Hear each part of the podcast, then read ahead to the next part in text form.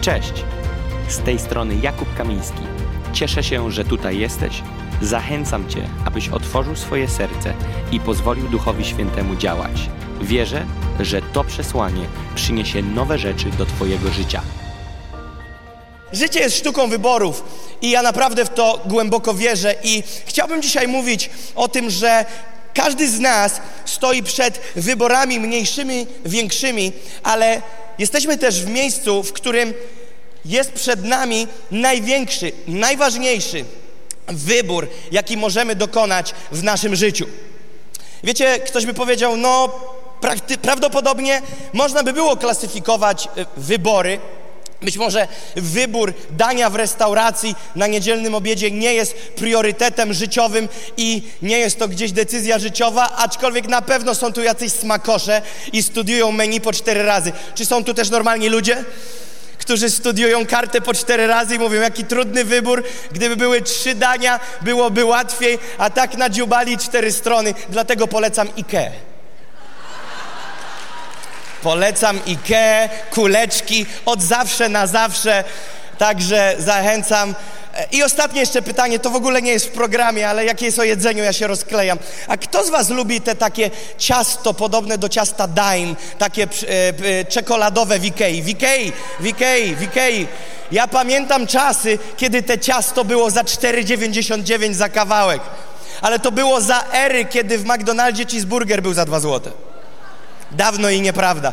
Kochani, a więc wiecie, no, można wybierać między kulkami e, mięsnymi a warzywnymi, ale to nie jest najważniejsza decyzja w naszym życiu, ale każdego dnia podejmujemy wybory. Niektóre wybory są tak często przed nami, że nawet nie zdajemy sobie sprawy, że tych wyborów dokonujemy.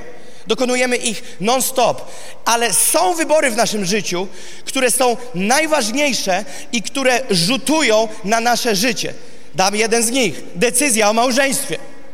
Czy są tu jakieś pary małżeńskie? Czy są tu jakieś małżeństwa? Możecie zrobić lekki hałas? Jeee! Ci najbardziej altem, którzy śpiewali to chwilę po ślubie. Z najwyższym dźwiękiem to byli ci po ślubie, a ci, którzy... O, 20 lat i więcej. Ale mam dla was dobrą wiadomość. Musicie się do siebie przyzwyczaić, bo już tak do końca. Także, kochani, ale jest jeszcze jeden wy wybór. Jest jeszcze jeden wybór, który przebija wszystkie inne wybory i do niego za chwilę dojdę, ponieważ ja takiego wyboru już dokonałem. I pewnie pomyślicie sobie, no, wpadliśmy na chrześcijańskie spotkanie, więc pewnie będzie nam marudził, że wybór religii albo wybór Boga w swoim życiu, pojednanie się e, z Jezusem.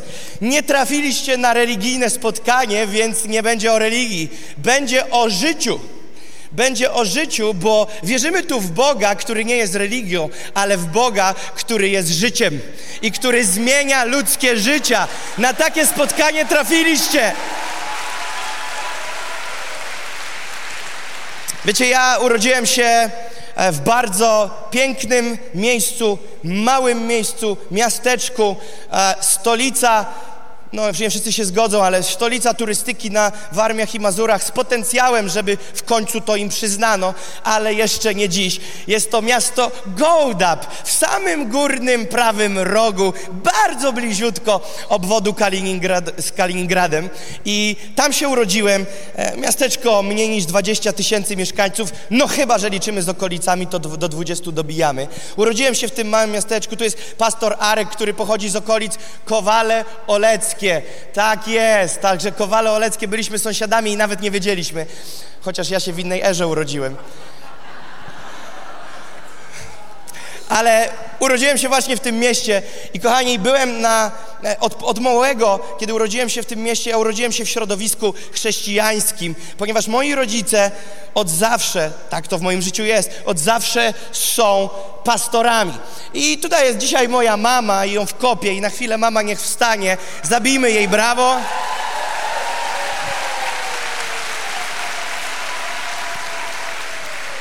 Po znajomości załatwiłem pierwsze rzędy. I wiecie, więc ja wychowywałem się w rodzinie chrześcijańskiej, w której e, mam nagrania, e, gdzie za dziecka mało to pamiętam, a już mam to na nagraniach, jak czytamy Biblię kolorowaną, taką wiecie, z obrazkami przed snem, czytamy historię i później mama albo tata mówią, Panie Jezu, a ja powtarzam, Panie Jezu, dziękuję Ci, dziękuję Ci. I tak trochę jak taki Chińczyk, wiecie, bo dziecko się modli jak trochę takim spłaszczonym chińskim. E, I tak, Panie Jezu, dziękuję Ci za to, za tamcio. I tak fajnie, i tak w ogóle się wszystkiego nauczyłem. Chodziłem na tak zwane szkółki niedzielne w czasie porannych, niedzielnych nabożeństw. Dzieci wychodziły, więc jak się gdzieś tam w tym środowisku non-stop obkręcałem. Ale marzenie, które świeciło w moim sercu non-stop, to było marzenie o tym, aby robić karierę piłkarza. Nie wiem, czy z Was ktoś pamięta, ale była taka gazeta i może jest nawet do dziś. Brawo Sport i tam na środku są plakaty piłkarzy i ja te plakaty miałem ja sobie marzyłem, że ja kiedyś będę takim piłkarzem na plakacie. Ale problem był taki, że jak już dobrze słuchacie, no to w mieście Gołdap nie da się robić kariery, nie da się zrobić kariery jako piłkarz, bo tam nawet prawdopodobnie nie wszyscy gazetę Brawo dowiozą. Rozumiecie? W zimę nie wiesz, czy dojedziesz, ponieważ nie wszyscy tam odśnieżają i czasami są po prostu miasta zaklejone. A więc ja miałem marzenie, że pewnego dnia jakiś pewien wielki klub, jakaś pewna wielka drużyna piłkarska mnie gdzieś wyłapie, zobaczy i ja gdzieś wyląduję. I skracając historię z pięciu godzin do trzech, bo w tyle mi dziś to zajmie, żartuję ale skracając tą historię jak się da, w wieku 12 lat pojechałem, ponieważ wzięła mnie Jagiellonia Białystok, klub z ekstra klasy, a, drużyna, która miała wielkie perspektywy e, i pamiętam w wieku 12 lat przeprowadziłem się do miasta Białystok. Przeprowadziłem się sam, przeprowadziłem się bez rodziny, nie było to łatwe dla mojej mamy, dla mojego taty, dla mnie tym bardziej, ale Chciałem to zrobić, ponieważ powiedzieli mi, że mam talent piłkarski i że będę żałował. Więc od 12 roku życia mieszkam sam, e, ponieważ wszyscy szli do internatu, takiego wiecie, akademika dla młodych, ale ja nie chciałem tam iść, ponieważ ja się bałem tego towarzystwa. Ja bałem się słowa na K, ja bałem się słowa na H, i ja bałem się tego całego towarzystwa, bałem się alkoholu, bałem się, że ktoś może mieć papierosa schowanego. Ja byłem naprawdę świętym dzieckiem, naprawdę świętym przez duże si. I i pamiętam, że ja powiedziałem, dobrze, jak ja mam tam być, to ja muszę mieszkać sam gdzieś. Więc mieszkałem w domku na dziesięcinach. Byłem pan Kamiński z Gołdapi, który mieszkał sobie jako jedyny w domu, kiedy inni wszyscy mieszkali w internacie. I pamiętam, że przez trzy lata moje, każdy dzień wyglądał tak samo. Budziłem się rano, ponieważ chodziłem jeść na stołówkę internatu, ale mieszkałem w domku. I pamiętam, że budziłem się rano w okolicach godziny szóstej. Pomyślcie sobie, dwunastolatek wstawia budzik na szóstą rano. Wiecie po co? Aby wyciągnąć gitarę akustyczną. Aha, poczekajcie, bo ja wam nie powiedziałem. Ja w podstawówce, jak byłem, od 6 do 12 roku życia, to jeszcze szkołę muzyczną przerobiłem na gitarze, perkusji i pianinie. Więc skończyłem tą szkołę muzyczną i do Białego Stoku wyjechałem z tą gitarą akustyczną i budziłem się o tej 6 rano i grałem sobie piosenki chrześcijańskie, nie dlatego, że mama, tata kazali, tylko chciałem grać dla Pana Jezusa te piosenki i chciałem dla Niego śpiewać, a więc z rana wstawałem, śpiewa, śpiewałem piosenki, czytałem Biblię, nie dla dzieci, dla dorosłych. Ta, która w wykładzie, przekładzie warszawskim ma 1350 stron. Jako dzieciak to czytałem, miałem coś jeszcze. Miałem kartkę A4, na której miałem listę dziesiątek książek literatury chrześcijańskiej, które już przeczytałem. I moja lista rosła, kiedy dobiłem do stu paru książek chrześcijańskich. Zawsze tą listę dawałem dla mojej mamy, żeby wpisywała tam, bo ona ładniej pisała. Więc ja te, w wieku tak młodym, ja byłem naprawdę nakręcony na Pana Boga. I przez trzy lata się udało to utrzymać na wyjeździe. I pamiętam, jak skończyłem 15 lat i postanowiłem, że na własne życzenie chciałbym przeprowadzić się do internatu, ponieważ coraz częściej już tam bywałem. Już nie byłem tym chłopakiem, który chciał uciec z tego internatu, uciec ze stołówki i siedzieć sam. Moim marzeniem było siedzieć sam, nie gadać z tymi wariatami. Ale nagle ja już zostaję w internacie. Nagle gdzieś tam jest już, zaczyna się ta tak zwana godzina nocna, gdzie nie może może być gości w internacie, a ja gdzieś tam się w jakimś pokoju schowałem, bo gdzieś tam z jakimiś kolegami, koleżankami zaczynają się rozmowy. No i tak w wieku 15 lat przeniosłem się do tego internatu na własne życzenie i uwaga, zgadnijcie co? Książek na liście chrześcijańskich e, lektur nie, nie przybywało. Już nie było budzika o szóstej, ponieważ odsypiałem późne rozmowy w internacie. Doszło do tego, skracając historię, że w wieku 15 lat moja pierwsza dyskoteka, pierwsza moja ucieczka z internatu, jeżeli tu słucha tego dyrektor internatu, to pewnie straci robotę, jeżeli tam jeszcze pracuje, ponieważ oni mieli obowiązek nas pilnować, a ja się stamtąd zawinąłem w nocy nie raz i nie pięć. I pierwsza moja impreza w wieku 15 lat, wiecie gdzie była? Nie na jakiejś tam dyskotece od 18 roku życia. W klubie nocnym od 21 życia, roku życia. To jest, nie bijcie braw. W wieku 15 lat moja pierwsza impreza była w klubie od 21 roku życia, więc rozumiecie, że to nie jest pub, prawda? Rozumiecie, że tam są takie rzeczy, takie metalowe, długie i, i tam są różne rzeczy w takim miejscu. I tam byłem w wieku 15 lat. I pamiętam, że byłem zszokowany tym wszystkim, ale mi się zaczęło podobać. Zaczęło mi się to podobać i w wieku 16 lat dostałem powołanie na zgrupowanie reprezentacji Polski w piłce nożnej do lat 16. Pamiętam, jak przyjechałem do Warszawy, odbierał autokar nas, wywoził nas pod Warszawę do ośrodka e, szkoleniowego takiego. Powiedzieli, że mamy zostawić ciuchy cywilne, przebierają nas w ubrania kadry Polski, orzełek na piersi. Wiecie, szajba w głowie. Cztery lata wyjeżdżasz temu z Gołdapi, a dzisiaj masz orzełek na piersi w wieku 16 lat i w CV masz klub 21 roku życia w wieku 15 lat, więc zaczyna ci szumić, rozumiecie? I pamiętam, jak cztery kluby wchodziły w grę, gdzie mam trafić Legia Warszawa, Lech Poznań, wiem, że to nie leży obok siebie, ale Wisła Kraków i Lechia Gdańsk.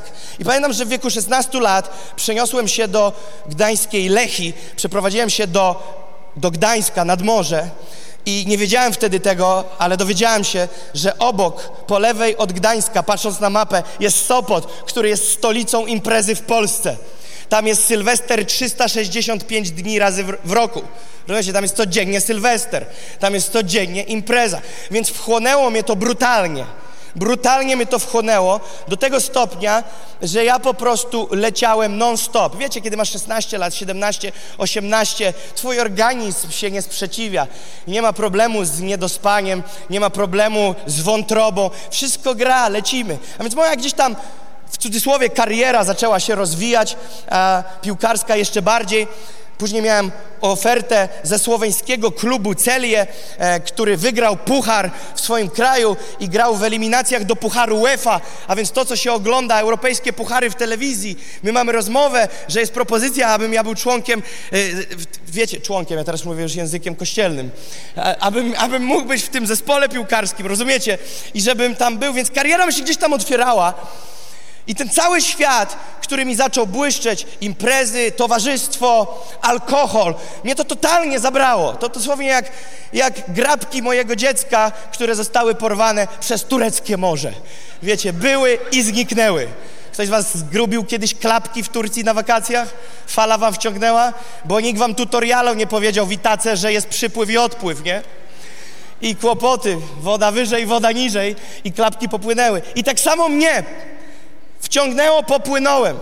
I skracając kolejne cztery lata, bo tam nie ma za wiele do opowiadania, jeden wielki degenerat idący w dół, uzależniłem się od hazardu, kręciłem się po kasynach, później grałem w lokalach zamkniętych, zastawki, na które nie powinienem. Pamiętam, że się przestraszyłem, kiedy facet wytatuowany od góry do dołu, z takim dużym złotym łańcuszkiem na klacie, e, wydziarany, bez włosów, w bicepsie więcej niż ja w udzie, i pamiętam, jak przegrał kolejną partię pieniędzy i rzucił na stół biały woreczek.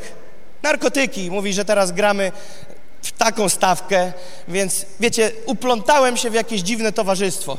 I w tym wszystkim jeszcze grałem dobrego chrześcijanina, oszukując rodziców. Oczywiście, że oni wiedzieli, że jest dramat, ale ja paliłem głupa, że wszystko jest ok. Kiedy rodzice przyjeżdżali, to ja musiałem wytrzeźwieć. To były ciężkie czasy. Moja mama niech lepiej tego nie słucha, bo już jest wyleczona z tej traumy, ale to były dramatyczne czasy. Już nie było gitarki, na której grałem piosenki dla Pana Jezusa. Biblia to gdzieś tam była wyciągana, dlatego żeby zobaczyli, że jest. Ale najbardziej mnie urąbali, jak w Gdańsku spotkali się w kościele z innymi pastorami i powiedzieli: Słuchaj, bo my jesteśmy też pastorami i nasz syn będzie tu mieszkał z drugim synem, bo mój brat też do mnie dołączył, drugi cyrkowiec, grał na perkusji. Dobrze gra, nie? I my gdzieś tam razem w tym Gdańsku byliśmy, razem w tej Lechii graliśmy.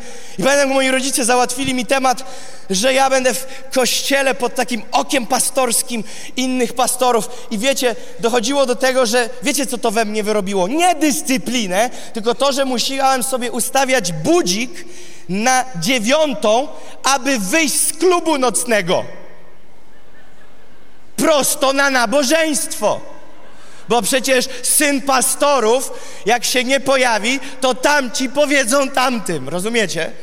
Więc budzik mi dzwonił, wibrowało, jak nie wiecie, gdzie są dyskoteki do dziewiątej, to dobrze. Ja natomiast w Sopocie wiedziałem. I, I tak to wyglądało. A więc przed wejściem do kościoła, pomyślcie sobie, po co on tam no gada. A jest temu, ku temu cel. Pamiętam, że przed kościołem była żabka. Ach, ja do tej żabki chodziłem, wiecie po co? Po przybory z e, produktami czosnkowymi. Jakieś e, listera, pasty rybne. Jakieś takie, wiecie, żeby zabić ten odór menelowni, gorzelni, którą miałem. I pamiętam, jak wchodziłem na te nabożeństwa, wiecie, piłkarz wchodzi, syn pastorów, więc ludzie, witamy, witamy, cześć Jakub, fajnie, że jesteś. No, też cieszę się. Wiecie, fajnie, że jesteście, fajnie, fajnie. Stoję na tym tak zwanym uwielbieniu, o którym powiedział Kamil, czyli śpiewanie pieśni dla Jezusa. Wiecie, mówią tam, podnieśmy ręce, ja mówię, chyba zaraz zwymiotuję. Jest mi tak niedobrze. Wiecie, dochodziłem do miejsca, w którym zasypiałem na stojąco. Dramatyczne czasy. Oszukiwałem wszystkich, siebie i paliłem gupa przed wszystkimi. I tak naprawdę, kiedy te wszystko ze mnie wyparowywało i było tak zwana niedziela wieczór, kiedy dochodziło do ciebie, jakim przygupem jesteś, to w tym momencie pojawiało się coraz więcej i więcej takiego uczucia krzyku w środku Twojej duszy, Twojego wnętrza, krzyku rozpaczy. Na początku to był szept, później to był krzyk, a później był to po prostu wisk rozpaczy, pustki, wewnętrznej pustki, że niby masz wszystko, a nie masz nic i jesteś totalnie okradziony. I pamiętam, że nie mogłem tego złapać. Kiedy to uczucie po raz pierwszy zaczęło się pojawiać, to było przedziwne uczucie, bo nie wiesz, co to jest. Wiecie, no, nie, nie, dziecko dwu, trzyletnie, mam nadzieję, nie wie, co to kłamstwo, rozumiecie? Dowiaduje się potem. Na pewno mieliście czas, kiedy załapaliście, że wasze dzieci pierwszy raz okłamały. Mówisz, wow, już załapały. I wiecie, jest taki moment, kiedy ty w życiu doświadczasz pierwszy raz wewnętrznej pustki. Ten pierwszy moment, kiedy dowiadujesz się, że jest przepaść, że nie ma radości, że jest brak nadziei, że jest po prostu ciemność. I tak naprawdę próbujemy to zagasić, to jest trochę jak niekończąca się migrena, którą próbujesz bić apapem i bupromem i udaje ci się to wyłączyć, ale nie gasisz bólu głowy, po prostu tego nie czujesz. I kiedy tabletka przestaje działać, rzeczywistość cię dogania i dalej cię łeb boli. I dokładnie tak samo było w moim życiu. Na ile się wygłuszyłem, na ile przez weekend ciąłem jak szalony, to było to wygłuszone. Te, ta pustka była zgaszona. Ona po prostu była zagłuszona, ale ona tam była. I kiedy to wszystko z ciebie schodziło, zadawałeś sobie to pytanie. Pamiętam, jakie zadałem sobie pytanie, czego ja nie mam, co chciałem mieć. I wyszło bardzo dziwne równanie, bo praktycznie wszystko, co chciałem, miałem. Oczywiście, że można by było to mnożyć razy dwa, razy trzy, razy cztery, no bo kto się z nas zatrzyma, tak? Ale miałem praktycznie wszystko, co chciałem, a jednak totalna pustka. I pamiętam, że im dalej w las, tym szybciej przykręcałem obroty imprezowania. Poszedłem później e, w używki, bez nazwisk, rozumiecie? Po prostu używki, coś więcej, coś mocniejszego. I zacząłem się, e, się zakręcać coraz bardziej, coraz bardziej, coraz bardziej. I pamiętam, że doszedłem do tego miejsca, gdzie ja już wiedziałem, że jest tragedia. I najbardziej czułem to, że ja wiem, że ja jestem przygupem, że ja wiem, że ja robię źle, ale intencyjnie to gasiłem w sobie ale pustki w sobie nie zgasisz. A więc co robiłem? Przyspieszałem obroty w swoim życiu. Szukałem coraz więcej możliwości, coraz więcej atrakcji, coraz więcej adrenaliny, coraz więcej emocji, które mogłyby wyzwolić we mnie ten chwilowy pik uniesienia, że jest fajnie. I to jest trochę jak, widzieliście kiedyś takie zdjęcia, ja spróbuję się nie zabić. I łapią dziewczyny. I są kolana przy pośladkach i jest takie, o, jestem szczęśliwa. I wiecie, i trochę, trochę nasze życie tak wygląda, że biegniemy, biegniemy, jest źle, bijemy się o to wszystko i pobijani, ale są momenty urodziny siostry, brata, wiecie, jakaś impreza, rocznica, ślub, cały dzień się odpicowujemy, nastawiamy się, pompujemy się mentalnie, że to będzie ten dzień, to będzie ten weekend, będzie fajnie. No i oczywiście robimy, żeby było fajnie, tankujemy, żeby było fajnie i jest ten chwilowy moment, i lepiej zrób sobie zdjęcie, bo zaraz się kończy. I później otwierasz radio w poniedziałek, a tam jest, no do piątku zostało pięć dni. A w czwartek słyszysz, już jutro, piątek, piąteczek, piątunio. A kiedy przychodzi piątek, cała Polska wierzy, że ten piątek będzie inny. Że będzie lepszy niż ten tydzień temu, który był dramatyczny. I żyjemy przez całe życie czekając na to, aż w radiu nam powiedzą piątek, piąteczek, piątunio. I łapiemy te chwilowe momenty, kiedy na chwilę niby jest fajnie, ale pustki nic ci nie załatwi. Bo ona ciągle krzyczy, bo ona ciągle się domaga, ponieważ jest jak wyschła gleba, która potrzebuje deszczu. Jeżeli nie spadnie na nią deszcz, nie będzie w tobie życia. I pamiętam, jak Wiedziałem, ja wiedziałem, że ja miałem tą informację, że tylko Bóg może zaspokoić człowieka. Nice, kto tego nie wie. Urodziłeś się w rodzinie chrześcijańskiej, jesteś ekspertem od tego typu przesłania. Jesteś ekspertem od tego typu zdań. Ale co z tego, jeżeli nie wiesz, jak to działa, bo z Bogiem nie żyjesz? Rozumiecie o co chodzi? I teraz do czego zmierzam, kochani? Zmierzam do tego, że przyszedł dzień mocnego wyboru w moim życiu, ponieważ życie jest sztuką wyborów. I pamiętam, jak, e, jak miałem kontuzję. Miałem kontuzję kolana, zerwane więzadła krzyżowe, ACL -e poszły. E, dramat. Dla piłkarza coś takiego to jest katastrofa psychiczna i fizyczna. Sześć miesięcy rehabilitacji, dwa zabiegi. Tragedia, nie chcę nawet tego pamiętać. I po tych sześciu miesiącach, ja podczas tych sześciu miesięcy tak wróciłem do domu, do Gołdapi tak drapałem się po głowie, jak siedziałem sam w pokoju. Wiecie, jak nie możesz biegać, nie możesz chodzić nawet, leżysz w tym łóżku, to myślisz. Czasami nam się w życiu zdarza, że myślimy. Więc myślisz o tym wszystkim i dochodzisz do bardzo negatywnych wniosków, że wszystko się sypie. I nie dlatego, że się kolano porwało, tylko dlatego, że naprawdę jesteś nieszczęśliwy i zastanawiasz sobie, jakim cudem, bo teraz jeszcze fakt jest taki w tym wszystkim fenomenalny, że we wszystkich miastach, w których ja mieszkałem, a ja w wielu mieszkałem, ale skracam wam historię, ja byłem duszą towarzystwa i wszyscy wiedzieli, że jak kamyk będzie, bo ja miałem ksywę kamyk, więc jak kamyk będzie, to balet murowany. Ja byłem zawsze dyrygentem orkiestry. Ja byłem zawsze wodzirejem imprezy. Gdziekolwiek wchodziłem w trzy minuty, przejmowałem inicjatywę, a jak jej nie chciałem, chciałem przejąć, to mi oddawali, bo wiedzieli, że przyszedł mocniejszy. I wiecie, i to było moje życie. To było moje życie i wszyscy myśleli, że jestem ten szczęśliwy, fajny, rozbrykany koleś, ale nikt nie wiedział, że ja w środku byłem totalnie pusty. A więc tym większa podwójna presja, żeby udawać, że wszystko gra. I wiecie, i w końcu przyszedł ten moment podczas tych sześciu miesięcy, że ja doszedłem do wniosku, że jest dramat i że ja nie chcę tak żyć. No ale kontuzja się skończyła, wróciłem do sportu i zgadnij co? Wróciłem do tego samego. Jak to jest, że gdzieś cierpisz, a i tak tam wracasz? Jak to jest? Co jest za mechanizm w nas, że kładziesz rękę na palnik, sparzysz się na ten palniku, ale i tak jutro powtórzysz schemat?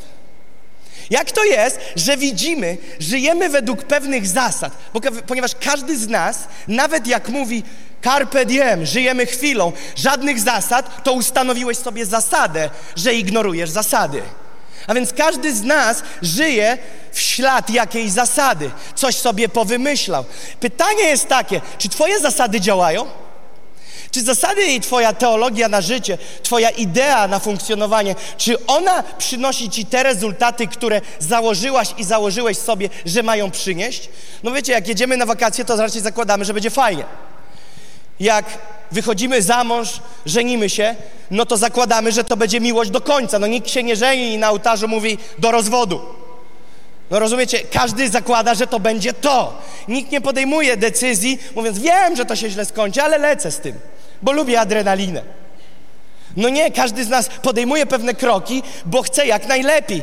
Pytanie, czy jest jak najlepiej. Ja nie pytam teraz o Twoje kroki, ja pytam, czy jest najlepiej. I nie odpowiadaj na głos, zadaj sobie pytanie. Wiecie, moje dzieci na zdjęciu, które widzieliście, córeczka Abi ma e, w marcu skończone tego roku dwa latka, więc ona ma dwa i pół w tej chwili. A synek Dawidek skończył pięć lat w czerwcu i oni mieli taki okres w życiu, że zrozumieli, że pewnych rzeczy się nie dotyka. Więc już dziecko w wieku kilku lat wie, że jak coś jest gorące i dotkniesz, to się poparzy. Oczywiście musi się sparzyć, ale już w pewnym momencie swojego życia wie, że nie ma sensu tam wkładać ręki jeszcze raz, bo będzie dramat. Jak to jest, że my dorośli z tego nie jesteśmy schematu w stanie wyjść przez całe nasze życie i systemy naszych wartości, które przynoszą nam ból, przynoszą nam zranienie, nie przynoszą nam szczęścia, my przez 10, 20, 30, 50 lat, 70 lat naszego życia dalej kręcimy się wokół tych samych wartości, nadal nie przynoszą on nam żadnych zmian, a my dalej za tymi wartościami idziemy. Czy nie jest to hipokryzją? I wiecie, i i tak pamiętając tą Biblię i pamiętając, co tam jest napisane, to jak ją dobrze przeczytasz, tą Biblię, to dowiesz się, że to jest tak naprawdę instruktaż, jak żyć, żeby żyć. Jak żyć, żeby żyć i żeby nie umrzeć. Jak żyć pełnią życia. Jak żyć tak, że ludzie jak wpiszą w Google życie, to wyskoczy im twoje zdjęcie.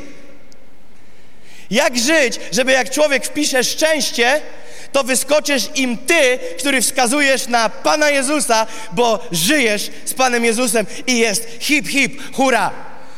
I teraz ja byłem w miejscu, w którym ja wiedziałem o Panu Jezusie, ja nie określałem się na ateistę, ale ja w ogóle z Bogiem nie miałem nic do czynienia. Ja przez 10 lat totalna rozłąka. I pamiętam, zadzwonił do mnie mój tata e, i pamiętam, jak to było dokładnie po tej kontuzji już, ja już wróciłem do sportu i mój tata do mnie dzwoni i mówi do mnie tak, posłuchaj, my się z mamą modlimy od wielu lat o Ciebie. I my wierzymy, że jest czas na przełom w Twoim życiu. I za trzy tygodnie jest konferencja chrześcijańska w naszym mieście. I my chcemy, żebyś Ty przyjechał, bo my wierzymy, że Bóg zmieni Twoje życie.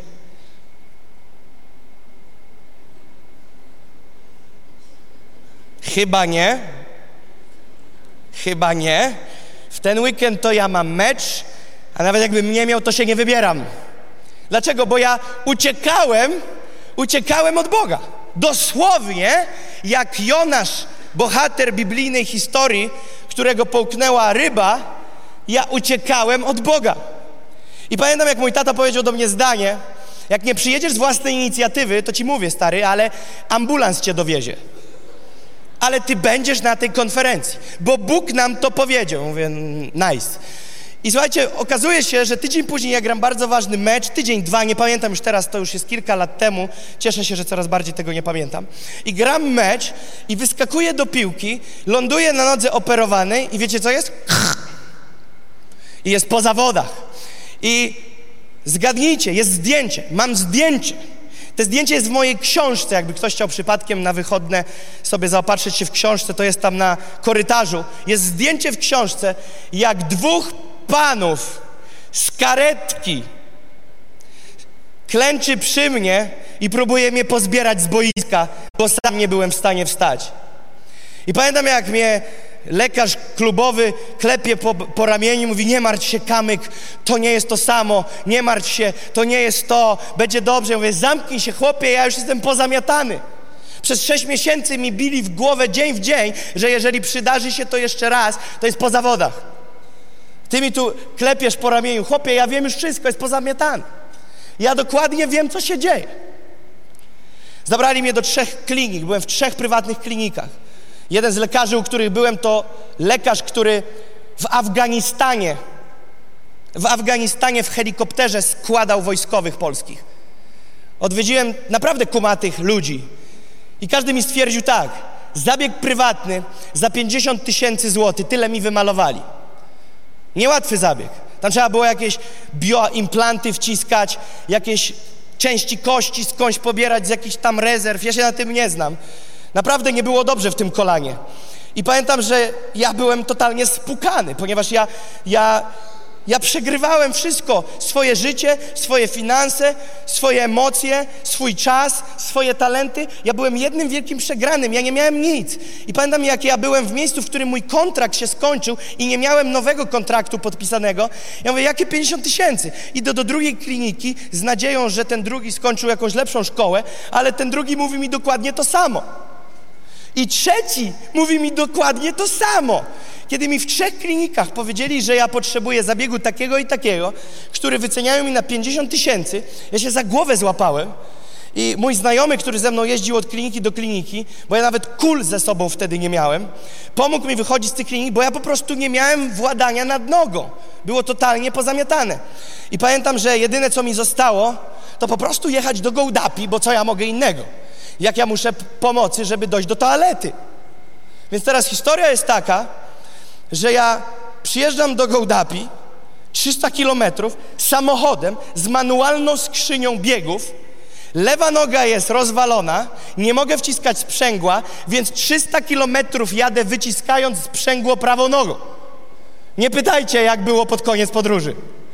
Tragedia. I pamiętam, jak przyjeżdżam pod dom, mój brat wynosi mi kulę, z samochodu wychodzę ja i moja noga i na tych kulach wychodzę i pamiętam jak wzrok moich rodziców i ta cała historia, to, to był dramat. To był dramat. I zgadnijcie co? Trafiam na konferencję. Jakoś tak nikt by się nie spodziewał, że tak będzie. I, I wiecie, i tak sobie pomyśl, że może ty dziś trafiłeś na taką konferencję. Tak cię po prostu ktoś z ulicy zwerbował i nie wiesz, co tu robisz. Albo może jakiś nachalny kolega, koleżanka truli ci od dwóch, trzech tygodni, żebyś przyszedł, przyszła. Mój tata też mi truł. Zaraz dowiecie się, jak to się skończyło. Czy warto słuchać tym, którzy wam trują, żeby wpaść na konferencję? I teraz przyjechałem sobie na tą konferencję, wszedłem. Słuchajcie, to było jak walka światów. Ja miałem wrażenie, że ja jestem pomiędzy dwoma światami. Ja miałem wrażenie, że siły ciemności walczą z królestwem światłości, że Bóg i diabeł, Bóg mnie ciągnie za jedną rękę, diabeł za drugą. Mam wrażenie, że mnie po prostu tiry rozjeżdżają, rozrywają na kawałki. Ja czułem walkę o moje życie. Nie umiałem tego wyjaśnić. Ja byłem po prostu rozdarty. Ja czułem, że jest walka o moje życie. Ja, ja wariowałem. I w pewnym momencie przyszło całkowite przeświadczenie, w biblijnym języku to nazywa się objawienie tego, że ja jestem człowiekiem grzesznym. Wyobraźcie sobie, że 10 lat bajlando i ja nigdy nie połączyłem kropek, że ja jestem grzesznikiem. Ja po prostu traktowałem to, że kiedy młodych ludzi, którzy przyjeżdżali z małego miasta do dużego miasta, to to, że ja serwowałem im za darmo takie szyszki marihuany i im serwowałem to za darmo, ich od tego uzależniałem i później tłumaczyłem im, że jak leżą na plecach na ziemi i widzą sufit, który jest kilkadziesiąt kilometrów nad nimi i jak robią he i słyszą swoje echo, to jest dobrze. Ja nie umiałem połączyć tego, że ja jestem grzesznikiem. I nagle siedzisz na tej konferencji w wieku 22 lat, bo tyle miałem, i siedzę na tej konferencji i nagle, tak jakby ktoś kurtynę podniósł do góry, baseballem dał w łeb i ja się obudziłem. 22 lata życia na planecie Ziemia, a pobudka dopiero wtedy następuje. Tak jakby ktoś mnie wybudził z jakiegoś po prostu stanu nietrzeźwości, nieświadomości. I pamiętam, że tak jakby łuski spadły z oczu i ja zobaczyłem inny świat. I ja zrozumiałem, ja widziałem siebie, że ja jadę na taśmie do piekła.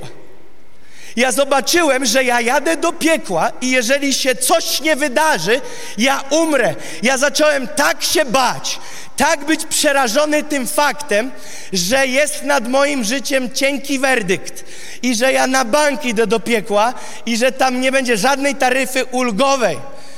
Wiecie, nawet gdyby były jakieś trzy drogi, trzy adresy, jakby coś było pomiędzy niebem a piekłem, to nie bym się na to nie załapał. Ale nie ma nic pomiędzy niebem a piekłem. Taka niespodzianka. Jak ktoś myśli, że jest coś po drodze, ta da da da. Biblia mówi, że nie ma. I teraz są dwie drogi. I byłem pewien na 100%, że wiem, w którą idę. Piekło i to na 110%. I pamiętam, że schowałem moją głowę w moje dłonie, bo wstydziłem się sam siebie, wstydziłem się sam przed Bogiem. Ja po prostu taki wstyd na mnie spadł, takie pohańbienie odczuwalne, że jestem po prostu, przepraszam, ok? Ale próbuję minąć jak mogę te słowa, ale się nie udaje. Czułem się jak szmata. Nie ma lepszego słowa, żebym tu użył i jeżeli ktoś jest zgorszony, to wybaczcie, ale tak się czułem i to tak komplement. Jak po prostu szmata, wymiętolona, jedna szmata po zrobieniu całego centrum handlowego. Po prostu wymiętolony, że głowa mała. I teraz słuchajcie, co się wydarzyło. Ja się tam modlę, Boże, jak jesteś. Czaisz, 22 lata, chłop, syn pastorów i on mówi, Boże, jak jesteś. A co z Twoimi pioseneczkami dla Pana Jezusa? Co z Twoimi literaturami chrześcijańskimi? Widzisz, okazuje się, że śpiewanie chrześcijańskich piosenek wcale nie gwarantowało mi, że ja znam tego, o którym śpiewam. To, że ja usiądę na miejscu parkingowym, nie oznacza, że jestem samochodem. I to, że urodziłem się w rodzinie chrześcijańskiej, to nie znaczy, że znam Boga i jestem dzieckiem Bożym. To, że odwiedzę raz przypadkiem zaplecze w restauracji, bo pomino, pomi, e, pomyliłem drzwi do toalety i wszedłem na kuchnię, nie oznacza, że jutro Gesslerowie mnie zatrudnią. To nie oznacza, że jestem teraz master chef, bo się znalazłem w kuchni. I widzicie, to, że przychodzisz do kościoła i to, że wierzysz, że Bóg istnieje, wcale nie czyni i nie daje ci żadnego gwarantu, że ty Boga znasz. I dzisiaj ludzie mówią: O Boże, jak jesteś. No ja właśnie tak krzyczałem, jak jesteś. I mówię: Boże, jak jesteś, to weź coś zrób, bo mnie normalnie w worku zaraz wyniosą. Ten krzyk był wewnątrz. Słowa nic nie zdradzały. Osoby obok mnie nic nie słyszały. I skracając tą historię najbardziej jak się da, człowiek, który prowadził tą konferencję, Człowiek, który przyjechał z oceanu, na imię miał i dalej ma, bo ma się dobrze, Alejandro, przyjechał do Gołdapi i on wtedy, pamiętam jak przemówił do mnie i powiedział tak, ty przed chwilą zapytałeś Boga i Bóg ci mówi tak, ty mnie wezwałeś i ja przychodzę. Wyobraźcie to sobie? Ty mnie wezwałeś i ja przychodzę. I zaczyna mi mówić tak: Bóg do ciebie mówi, że to, co On zrobi z Twoim życiem, przekroczy Twoje rozumowanie i Twoje oczekiwania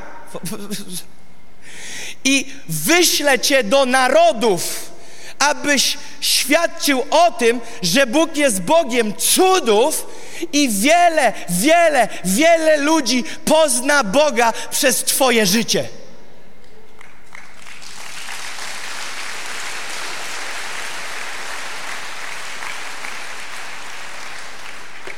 Czas na trochę dat, żebyście się mogli odnaleźć na pasku historii.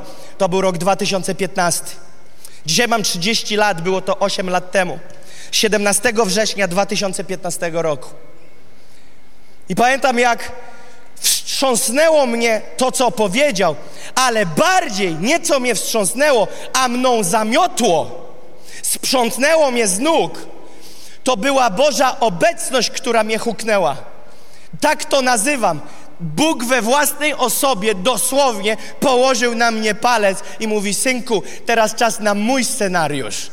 Pamiętam, że leżałem i płakałem, po prostu byłem w szoku, tak jakby się wszystko we mnie paliło, tak jakby coś się we mnie działo, jakaś operacja wewnątrz. Nie mogłem tego wyjaśnić, bo to nie jest zjawisko naturalne, jest to zjawisko ponadnaturalne. I pamiętam, że wtedy on położył rękę na moim kolanie, zaczął się modlić o moją nogę. Ja poczułem, że mnie pali w środku, tak jakby dosłownie ktoś mi ognisko rozpalił w kolanie. I to coś tam zrób, co możesz. I ja nagle, bum, dzida, czyli czytaj, wybiegam. Wybiegam przez drzwi budynku, 22 lata chłopak, wybiegam przez drzwi budynku sali, w którym jesteśmy, biegnę i biegam po parku, jak szalony i jestem uzdrowiony. I uwaga, wbiegam z powrotem do sali i dla niedowiarków, wpisz sobie Jakub Kamiński świadectwo nawrócenia. Jest moment nagrany na tym świadectwie, jak jedna kobieta, Edi, zdążyła wyciągnąć telefon i nagrać moment, w którym ja wbiegam na salę i skaczę obiema nogami, podciągając, nie, zrobię jak atleta. Kolana do klatki piersiowej. Pamiętam, że twarz moich rodziców była epicka. To, był, to, to była poezja. Oni nie wiedzieli, czy płakać, czy się śmiać, czy dwa w jednym, czy upaść. I wiecie, i pamiętam, że tego dnia, kiedy wstałem z tej podłogi, porażony mocą Bożą, dosłownie obudziłem się w nowej rzeczywistości. Poczułem nieporównywalny do niczego pokój. Spokój wewnątrz, ciszę. Wszystko się zatrzymało. Robiłem co mogłem kiedyś. Puszczałem Frank Sinatra na YouTubie. Puszczałem muzykę jazzową. Piłem 0,7 whisky Jacka Danielsa i paliłem świeczkę i nic nie wychodziło. A teraz leżysz na tej ziemi, rozwalony, zapłakany, ale Pan, Bóg jest z tobą i ty masz wrażenie, że już masz wszystko i jeszcze więcej. I powiem ci tak, mógłbym się tu starać, nastękać, żeby ci powiedzieć, co czułem, ale się nie da tego powiedzieć, bo to było po prostu genialne, szczęście. I teraz uwaga, bo ktoś powie, no, takie chwile, takie momenty zdarzają się w życiu człowieka. To pójdźmy dalej. Wracam do domu i zaczynam się modlić. Modlić się Ojcze nasz, któryś jest w niebie, święć się imię Twoje. Nie! Nie. Żadnych recytowanych, wyrobionych regułek. Żadnych, żadnych klimatów z kartki. Modlitwa polegała na tym, że po prostu mówiłem do Boga, co jest w moim sercu. To nie były przygotowane słowa, to nie były pięknie dobrane słowa, to były godziny, uznam to tak, wylewania serca przed Bogiem. I mówiłem, Boże, ja chcę Ciebie poznać więcej. Doświadczyłem Twojej mocy, ale ja Ciebie nie znam. Ja chcę Ciebie poznać. Biblia mówi, że Ciebie można znać. W Biblii jest to napisane. Ja chcę Ciebie poznać. I po kilku dniach miałem doświadczenie, wierzę jeszcze potężniejsze niż tamto, gdzie spotkałem się ponownie z Bogiem. Jego, jego obecność, Jego realność tak bardzo mnie przeszyła, tak bardzo mnie rozpaliła, tak bardzo była realna, że ja pamiętam, że leżałem jak dziecko zwinięte w kłębek na boku, szlochając w uczuciu wolności, radości, jakiegoś takiego ekscytacji, jakiejś takiej wolności, Wiecie, bo czasami łzy symbolizują oczyszczenie. Czasami musimy pewne rzeczy wypłakać. Czasami pewne rzeczy muszą z nas wyjść. I te całe brudy ze mnie wychodziły, ale to nie było jakieś uwolnienie. To były łzy szczęścia i radości, łzy wolności. I, I, wierzę, nie robię tego intencjonalnie, ale wierzę, że kiedy teraz mówię do Ciebie o Bogu i słyszysz o tej wolności, wierzę, że dla wielu z nas apetyt rośnie, bo ma, dawno kiedy czegoś takiego doświadczyli. I wiecie, ponieważ ja wierzę naprawdę, że Bóg może tą wolność przynieść do naszego życia. I po tych kilku dniach modlitwy i bycia takiego przed Panem, ja nic nie robiłem w tym czasie, ja tylko się modliłem, siedziałem na łóżku, leżałem na łóżku, klęczałem. Żadnych takich, wiecie, rytualnych ruchów, jakichś takich, wiecie, oficjałów. Po prostu ta całkowita otwartość i szczerość. Nie brak szacunku, ale prawdziwość, bycie realnym, prawdziwym, bez żadnej sztucznej religijności. I pamiętam, co się stało. Stało się to, że nagle dostaję wiadomość. Jeżeli dobrze pamiętam, to był to Facebook albo e-mail, nieważne. Dostałem wiadomość. Wiecie od kogo? Od Alejandro, który kilka dni temu był w Gołdapi i prowadził tą konferencję. On już na następny dzień po konferencji wyjechał. Wiecie, co się stało? On mi pisze, że on mnie zaprasza do Ameryki Południowej, do Ekwadoru, żebym ja mu pomógł prowadzić taką konferencję. Ja myślę, gość nie wie, do kogo się odezwał. Pomylił kontakty. Przecież ja jestem kanalia. Przecież ja się na jego spotkaniu dopiero co do Boga zwróciłem. Przestałem mu plecy pokazywać po 22 latach, a gość mnie do Ekwadoru wywozi. Więc ja poszedłem do moich rodziców, mówię z takim entuzjazmem, zaprosili mnie do Ekwadoru, a mama i tata tak na mnie patrzą mówią, ty weź mu lepiej powiedz całą prawdę.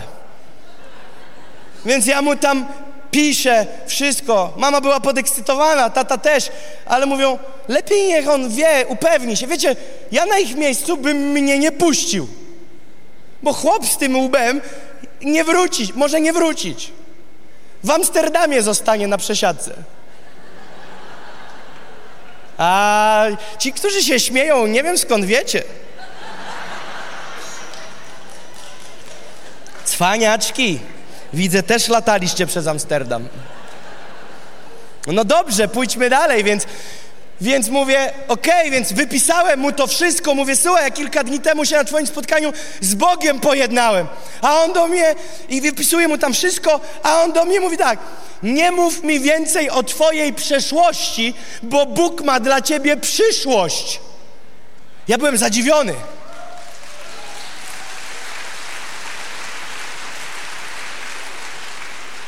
Dwa miesiące później, w listopadzie, ostatni tydzień listopada 2015 roku, ląduję w Ekwadorze. Wylądowałem w Ekwadorze, całą drogę nie wiedziałem, co ja będę tam robił, a tym bardziej jak wylądowałem, pytań narastało. I pamiętam, że rozmawiam z tym pastorem, on mówi, zadanie jest bardzo proste.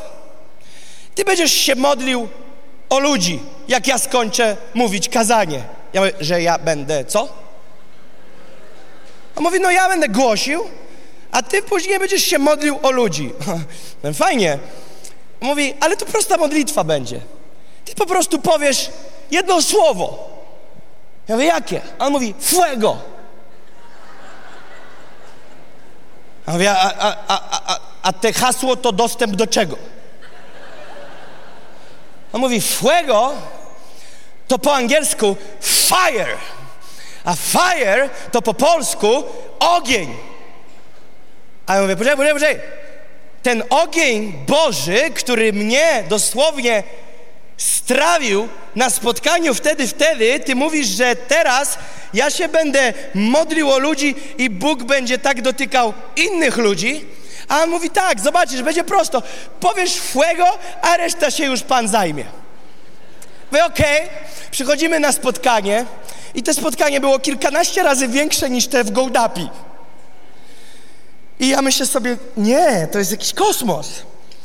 I pamiętam, jak on wychodzi na scenę, ja siedzę w pierwszym rzędzie, wszyscy mnie witają, pastorze Jakubie. Mówię, Boż, Boż, gdyby wiedzieli, kto jest, na wlocie do Ekwadoru by mnie deportowali. Obok Kolumbia.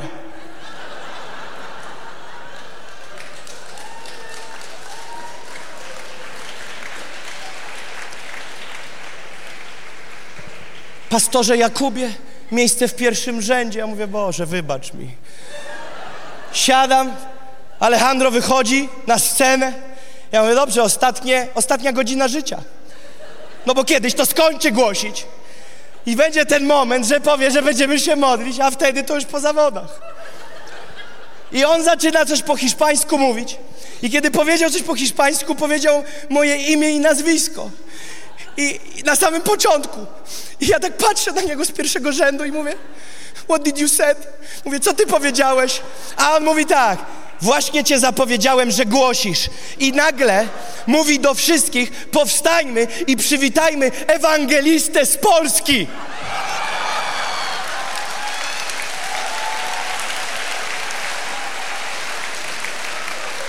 Ja mówię, mam nadzieję, że ktoś jeszcze był w tym samolocie. I pamiętam, że ta scena była gdzieś tak wysoka jak ta i troszeczkę szersza niż ta. Więc to nie było małe spotkanie.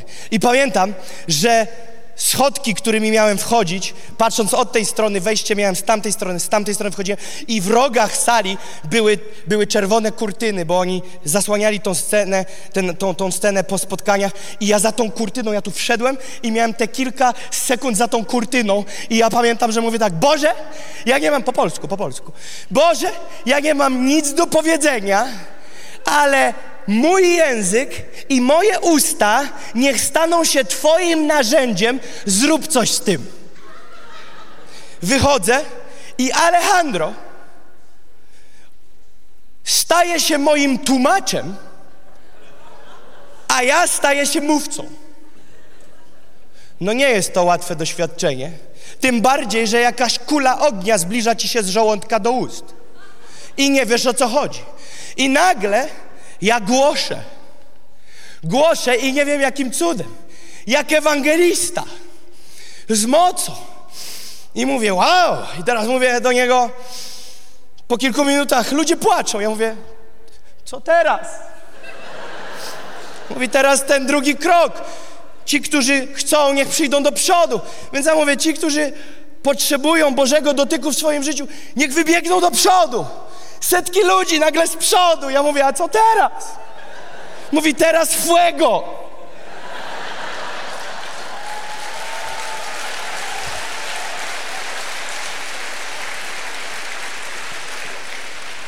Fuego, fuego, pięć liter. Czy na każdym palcu na pewno to jest?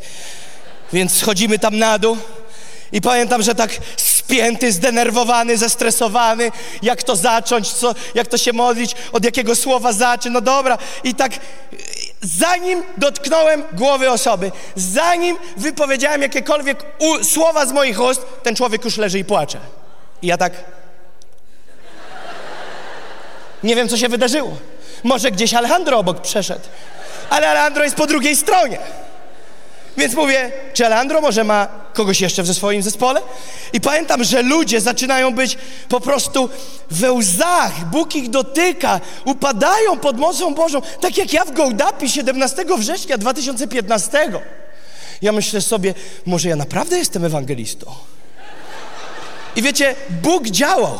Bóg działał w niesamowity sposób. I tam taka pani siedzi na pianinie i ludzie, ja myślę sobie, to już niebo, czy jeszcze nie?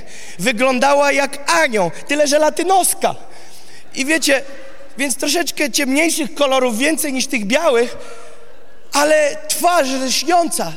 Po prostu anioł. To właśnie ta ze zdjęcia, moja żona.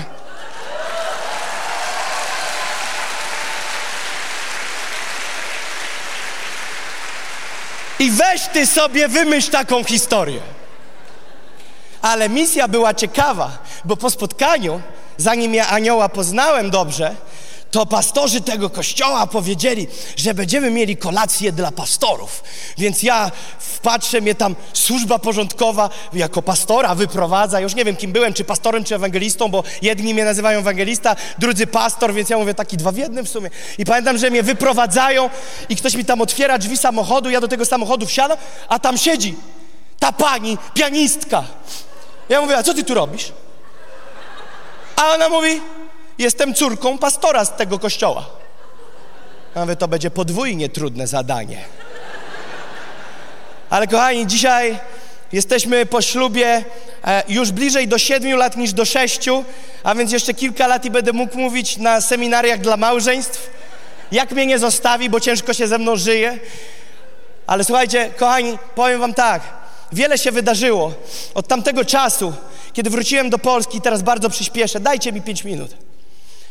Kiedy, kiedy wróciłem do Polski, wylądowałem w Warszawie na Chopina, wsiadłem w autobus Żak. Ktoś was kojarzy takie autobusy?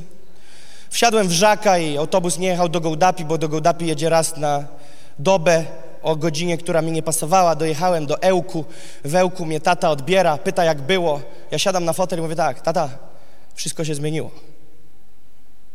To już będzie coś innego. Ja chcę to robić do końca życia. Ja chcę widzieć do końca życia, jak Ty, Boże, dotykasz ludzi i ludzkie życia są przemieniane. I z tym marzeniem żyję od 2015 roku. Przez kolejne 4 lata do 2020 roku Bóg wysłał nas na sześć kontynentów. Byliśmy w dwudziestu krajach na świecie. Widzieliśmy tysiące ludzi. Tysiące ludzi, nie uczestników konferencji. Tysiące ludzi leżących pod Bożą mocą, jak ja w Gołdapi. Wiecie, nie chodzi o leżenie, chodzi o Twoje doświadczenie z Panem. Gdzie przeżywasz Pana, gdzie Bóg Cię dotyka, gdzie Twój Bóg odnajduje Cię, znajduje Cię jako tą zgubioną owcę i przyprowadza do siebie. I pamiętam, jak powiedziałem sobie, ja nie chcę nic innego w życiu robić. Chcę się dzielić Jezusem. Pamiętam, jak Onet, taka witryna internetowa, zapytali mnie, no to co jest Twoim marzeniem? Ja mówię, ja chcę widzieć jak najwięcej ludzi, którzy poznają Jezusa. Zapytali mnie w tvn co jest moim marzeniem. Powiedziałem, że ja chcę widzieć jak najwięcej ludzi, którzy poznają Jezusa. Zapytali mnie w TVP1, co ja chcę tak naprawdę robić, co jest moim marzeniem. No i to marzenie ewaluowało, bo TVP1 było ostatnie teraz. Więc powiedziałem im tak, moim marzeniem jest mieć udział w zaręczynach człowieka z Bogiem. Moim marzeniem jest widzieć zaręczyny człowieka z Bogiem, bo kiedy człowiek spotyka się z Bogiem, jego życie jest przemieniane. I wiecie, i kwestia jest taka, że nie ma ani jednej osoby, która nie potrzebowałaby Boga w swoim życiu. Nie ma ani jednej osoby, która nie potrzebowałaby zbawienia, nie potrzebowałaby wybaczenia z grzechów. Biblia jest bardzo konkretna i tak naprawdę jest bardzo praktyczna. Biblia mówi, że jeżeli jestem grzesznikiem, a nie ma na planecie Ziemia człowieka, który jest bez grzechu, bo Biblia mówi, że wszyscy zgrzeszyli i wszystkim brak chwały Bożej. Nie ma ani jednego człowieka, na którym nie ciążyłaby plakietka grzech. Nad każdym człowiekiem, czy Michale mógłbyś mi pomóc? Nad każdym człowiekiem ciąży plakietka grzech. I wiecie, Kwestia jest taka, że kolejny werset staje się coraz bardziej uciążliwy, ponieważ kolejny werset w Biblii mówi tak: Zapłata za grzech to śmierć. Tragedia. Wiecie, ktoś tak pomyśli sobie, a w czym ten Michał będzie pomagał? Bo ten Michał ładnie gra i ja bym chciał, moja żona nie może, bo z dziećmi jest, więc to taki męski anioł, on pogra. Tak, żebyście mogli e, posłuchać. E, spróbować sobie wyobrazić teraz, że jesteś na spotkaniu, gdzie życie jest sztuką wyborów. Bo stoisz przed wyborem, przed którym ja stałem. I pozwól, że dokończę te kilka zdań. Kiedy, kiedy przeczytałem ten werset, że zapłatą za grzech jest śmierć, i połączyłem te dwa wersety, zaczęło się robić nieciekawie. Wszyscy zgrzeszyli, bum. A więc oznacza, że ja zgrzeszyłem, i uwaga teraz, a wszyscy, którzy zgrzeszyli, wyrok to śmierć, czyli piekło, potępienie. Ja mówię, jest dramat. Zaraz to naprawimy. Tak? Już działa. Super. Chciałbym, żebyście teraz bardzo potraktowali poważnie te ostatnie dwie, trzy minuty. A więc. Dobrze, poradzimy sobie bez pianina. I pamiętam, że mówię sobie tak: Panie, to nie może tak być. I zrozumiałem, że jeżeli ciąży na mnie wyrok, jest nade mną sąd, to nie uniknę kary. I wiecie, kiedyś jechałem samochodem i przez przypadek przekroczyłem prędkość. Zdarzyło się kiedyś komuś przez przypadek przekroczyć prędkość?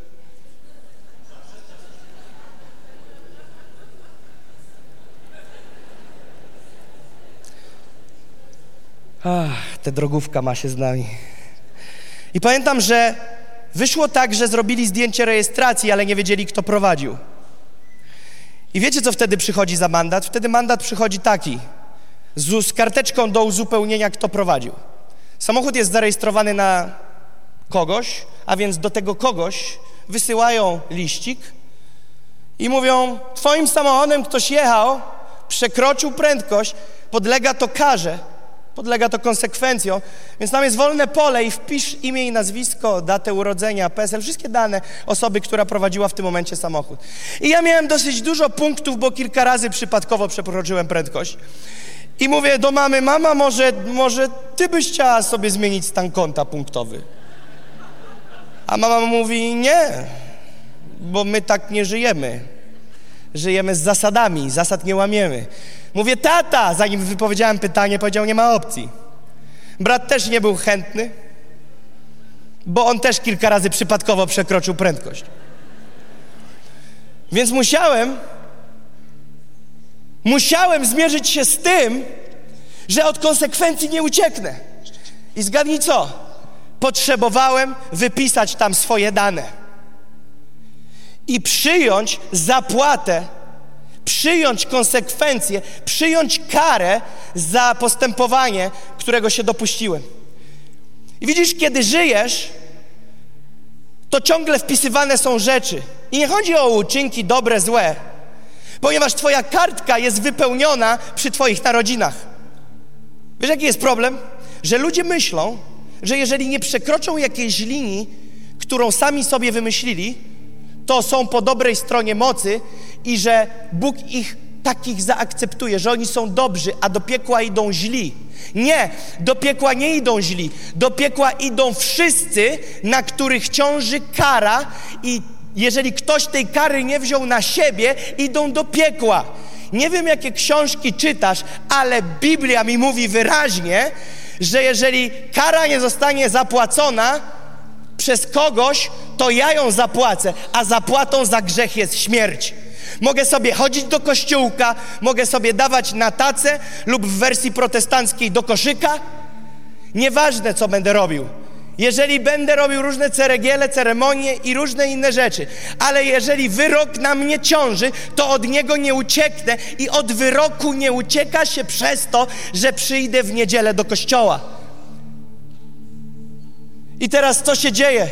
Jezus przychodzi na świat dwa tysiące lat temu.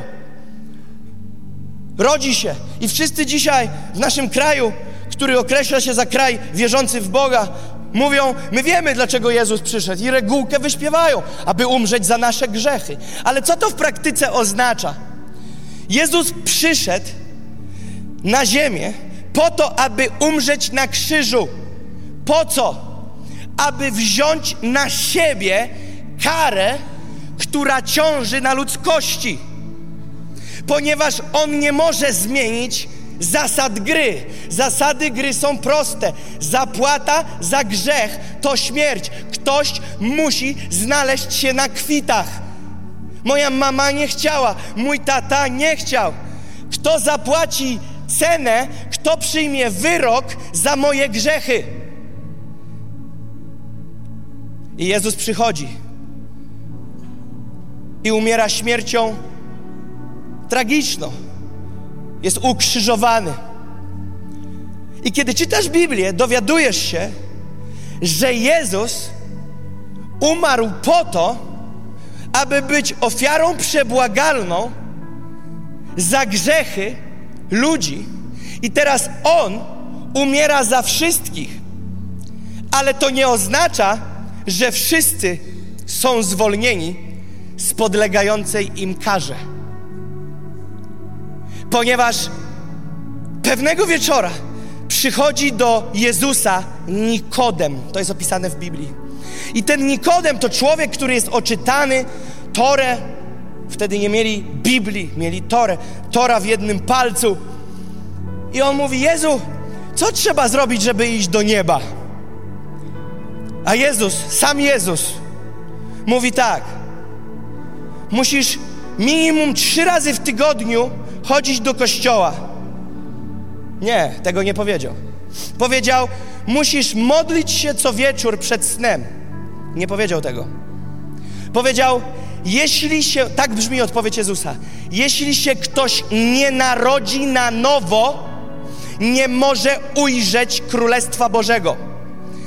A więc warunkiem pojednania się z Bogiem, warunkiem do tego, aby kara, która ciąży nad Twoim życiem za grzechy, mogła pójść na konto krzyża i Jezusa, a nie na Twoje konto, jest to, że Ty znajdujesz się w miejscu wyboru bo życie jest sztuką wyborów i znajdujesz się w miejscu decyzji w swoim życiu, w którym to chcesz pojednać się z Bogiem, innymi słowy, się na nowo narodzić. I Nikodem drapie się w głowę i mówi do Jezusa: Jakże ponownie człowiek może powrócić, wejść do łona matki swojej?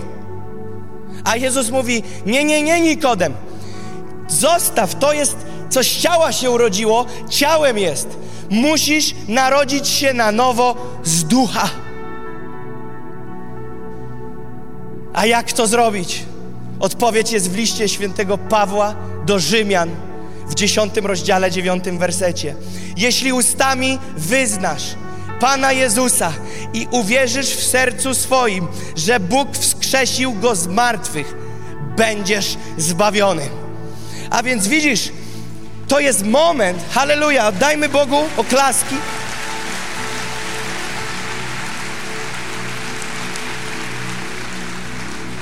A więc widzisz, ja mogłem chodzić z moją żoną na randki, mogłem chodzić do restauracji, mogłem siedzieć z nią w romantycznej restauracji, patrząc sobie w oczy, ale to wszystko nie oznacza, że jesteśmy w związku małżeńskim. Ludzie dzisiaj ze sobą mieszkają bez ślubu, żyją jak małżeństwo, ale nie są w związku małżeńskim. I teraz do czego zmierzam? Zmierzam do tego, że ty możesz chodzić całe życie do kościoła, możesz wierzyć, że Bóg jest, możesz nawet jak ci zając przed maskę na drogę wyskoczy, krzyknąć o Jezus, możesz w grudniu wyciągać Biblię i czytać o narodzeniu Pana Jezusa. Możesz nawet nosić srebrny, a jak jesteś radykalny, to złoty krzyżyk na klacie. To zupełnie nie oznacza, że jesteś jedno z Bogiem. Ponieważ bycie jedno z Bogiem to jest wejście w przymierze. Skąd znamy słowo przymierze? Znamy słowo przymierze z zawarcia związku małżeńskiego, przymierze małżeńskie. Ja mogę schodzić z Sarą, tak ma na imię moja żona, mogę z nią być na randkach, mogę ją przytulać, miziać po jej e, czarniutkich włoskach, ale to nie oznacza, że jesteśmy w związku małżeńskim i stajemy w dniu decyzji i wchodzimy w związek małżeński, w przymierze małżeńskie i od tego momentu jesteśmy jednym ciałem, mówi Biblia. Od tego momentu jesteśmy jedno, jesteśmy w przymierzu. I widzisz, ty możesz wierzyć, że Bóg jest, ty możesz wierzyć, że Bóg jest łaskawy, ty możesz śpiewać dla Niego piosenki, ale jeżeli nie wejdziesz z Nim w przymierze, to między wami jeszcze się nic nie wydarzyło. I tylko będąc w przymierzu z Jezusem, w przymierzu z Bogiem Ojcem, przez to, co zrobił Jezus, wtedy dopiero kara jest ściągnięta z Twojego życia i jest na krzyżu. I wielu ludzi, kiedy zapytasz, czy po śmierci idziesz do nieba, oni ci mówią: A, no wiesz, kto to wie? No fajnie by było, gdybyś wiedział. Bo ten dzień nadchodzi, mój drogi przyjacielu. Myślisz sobie, mam 20 lat, mam 30 lat, a może masz 60, ale jesz suplementy i myślisz, że będziesz żyć wiecznie. Ten dzień się zbliża, my friend. Nie uciekniesz od niego. I co wtedy? Poświęcamy czasami 20 lat nauki na to, żeby mieć jakiś tytuł przed nazwiskiem i nie podważam tego i nie mówię, że to jest złe. A nie poświęcisz odpowiedniej ilości czasu, żeby upewnić się, co z tobą będzie po śmierci na całą wieczność? Jeżeli w twojej głowie jest odpowiedź, a pożyjemy, zobaczymy, a umrzemy, to się przekonamy, Jesteś nierozważnym człowiekiem. Zacznij być rozważny i dbać o swoje życie. Jesteś cenny. Nie pogardzaj swoim życiem. Nie żyjesz z przypadku. Ty nie jesteś pomysłem Twojej mamy. Nie jesteś pomysłem Twojego taty. Jesteś Bożym pomysłem. Jesteś Bożym pomysłem. Nie zrobili się ludzie z wybuchu. Nie huknął meteoryt i przez miliony lat nie przemieniały się robaki w dinozaury, później w małpy, a później powstał Jakub Chcecie mi powiedzieć, że moja piękna latynoska żona jest z małpy? Że to jest majstersztyk nieba. To nie mogło być przez wybuch. A więc Bóg nas stworzył i Bóg chce Ciebie odzyskać ze szpon grzechu i ze szpon śmierci. A więc pytanie jest takie: czy jesteś gotowy, aby odcięło Ci dopływ powietrza, aby przestało Ci bić serce? I czy jesteś gotowy na to, co jest po drugiej stronie? Ponieważ Biblia mówi, że wiara jest pewnością. Wiara jest pewnością. Będę z Tobą szczery. Jestem pewien na 150%, że jeżeli dziś byś mnie odstrzelił, ale nie radzę, bo z Bogiem zadrzesz. Ale jeżeli byś mnie dziś odstrzelił, 150% gwarancji, że idę do nieba. I teraz zaskoczę Was. Nie dlatego, że jestem pastorem, nie dlatego, że do mikrofonu mówię do tysięcy ludzi na całym świecie i wyglądam na pobożnego faceta. Znaczy, trudno to uznać, że wyglądam na pobożnego, ale Bóg patrzy na szczęście na serce. I, i teraz to, dlaczego ja jestem pewien, ktoś powie, arogancki gnojek.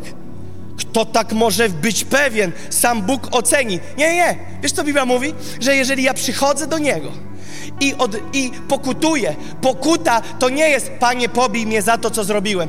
Pokuta to jest decyzja o odwróceniu się od stylu życia, w jakim żyjesz, czyli w stylu życia bezbożnym, ignorowania Boga, nie traktowania Go jako naprawdę Pana Panów, Króla Królów, który będzie królem Twojego życia. Jeżeli chcesz odwrócić się od swojego grzesznego życia, jeżeli chcesz wrócić do Niego i Biblia mówi, że jeżeli swoimi ustami wyznasz, a w sercu uwierzysz, będziesz zbawiony.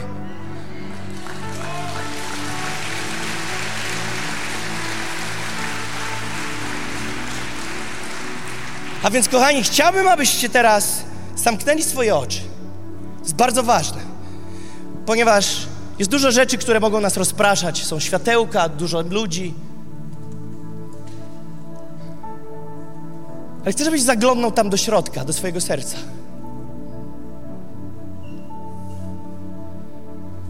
Nie zagasisz tego krzyku rozpaczy. Te miejsce ma tak specyficzny kształt. Te puste pole w Twoim wnętrzu ma tak specyficzny kształt, że jest tylko jedna opcja, aby to miejsce wypełnić. Jest tylko jedna osoba, która pasuje do tego miejsca. Jest to osoba Jezusa Chrystusa. Nie znajdziesz nic w tym świecie, co zaspokoi Twoją duszę nie znajdziesz żadnej miłości w tym świecie. Bo prawdziwa miłość, Biblia mówi, że Bóg jest miłością. A więc wiem i czuję to. Jestem przekonany, że Bóg puka teraz do Twojego serca. Puka do Twojego serca. I Biblia mówi, że każdy, kto będzie wzywał imienia Pana, każdy, kto będzie wzywał, oznacza to, że zbawienie jest dla wszystkich. I może czujesz w swoim sercu pragnienie, że chcesz oddać życie Bogu, że chcesz zmienić coś w swoim życiu, a może już kiedyś na takim spotkaniu byłeś i w sumie nic to nie dało, bo i tak po wyjściu poszedłeś w swoje. Ale wierzę, że są tu osoby, które chcą wrócić w ramiona Boga. I chciałbym teraz, aby te osoby, wszyscy niech mają zamknięte oczy, które czują, że to przesłanie było adresowane do Ciebie. Nie od Jakuba Kamińskiego, zapomnij o mnie. Jestem tak samo potrzebujący Boga jak Ty. Ale jeżeli czujesz, że to Bóg się o Ciebie upomina i to Bóg chce zaspokoić Twoje wnętrze i to Bóg się o Ciebie upomina i to On ściga Cię swoją miłością. Jeżeli to odbierasz, to chciałbym, żebyś podniósł swoją rękę, nie dla mnie, ale dla Jezusa. Podnieś swoją rękę i powiedz: Jezu, tutaj jestem. Tutaj jestem. Potrzebuję Ciebie. Panie, nie poradzę sobie sam. Poproszę, aby wszyscy na sali wstali na swoje stopy. Zrobimy coś niesamowitego. Chciałbym, abyście wszyscy, kochani, którzy, którzy podnieśliście swoje ręce, abyście wyszli tu do przodu. Chciałbym się z Wami pomodlić. W tej modlitwie, w której jest napisane: Jeśli ustami swoimi wyznasz, zbawiony będziesz. Jeśli jesteś taką osobą, proszę Cię, abyś przyszedł tu do przodu. Przyjdźcie tutaj do przodu. Śmiało. Śmiało. Halleluja. Halleluja. To jest Wasz dzień. To jest Wasz dzień. Śmiało. Przyjdźmy wszyscy. Nie zostajmy w blokach. Tu są osoby z grupy modlitwy. Przesuńcie się proszę trochę na bok, żeby wszyscy, którzy wychodzą do przodu, mogli wyjść. Śmiało, zabijmy brawo dla tą decyzję. Halleluja. Halleluja. Niebo nie jest za małe. Biblia mówi, że dla każdego jest przygotowywane mieszkanie. Mieszkanie w niebie. Sam Jezus przygotowuje nam mieszkanie. I On nie chce, aby to mieszkanie było puste. On robi je dla Ciebie. Ale warunkiem jest Twój dzień wyboru, decyzji, w którym chcesz powiedzieć: Panie Jezu, Panie Jezu, to jest ten dzień. 30 września to jest mój dzień przełomu. To jest mój dzień przełomu, w którym ja chcę wrócić do Ciebie. I chciałbym Was prosić teraz o jedną bardzo ważną rzecz, ponieważ to, co się dokonuje teraz, nie jest między Tobą a mną, to jest między Tobą a Bogiem. Dlatego, jeżeli mogę Cię prosić i czujesz się z tym komfortowo, jeżeli nie, jest ok. Proszę, żebyś zamknął, zamknęła swoje oczy.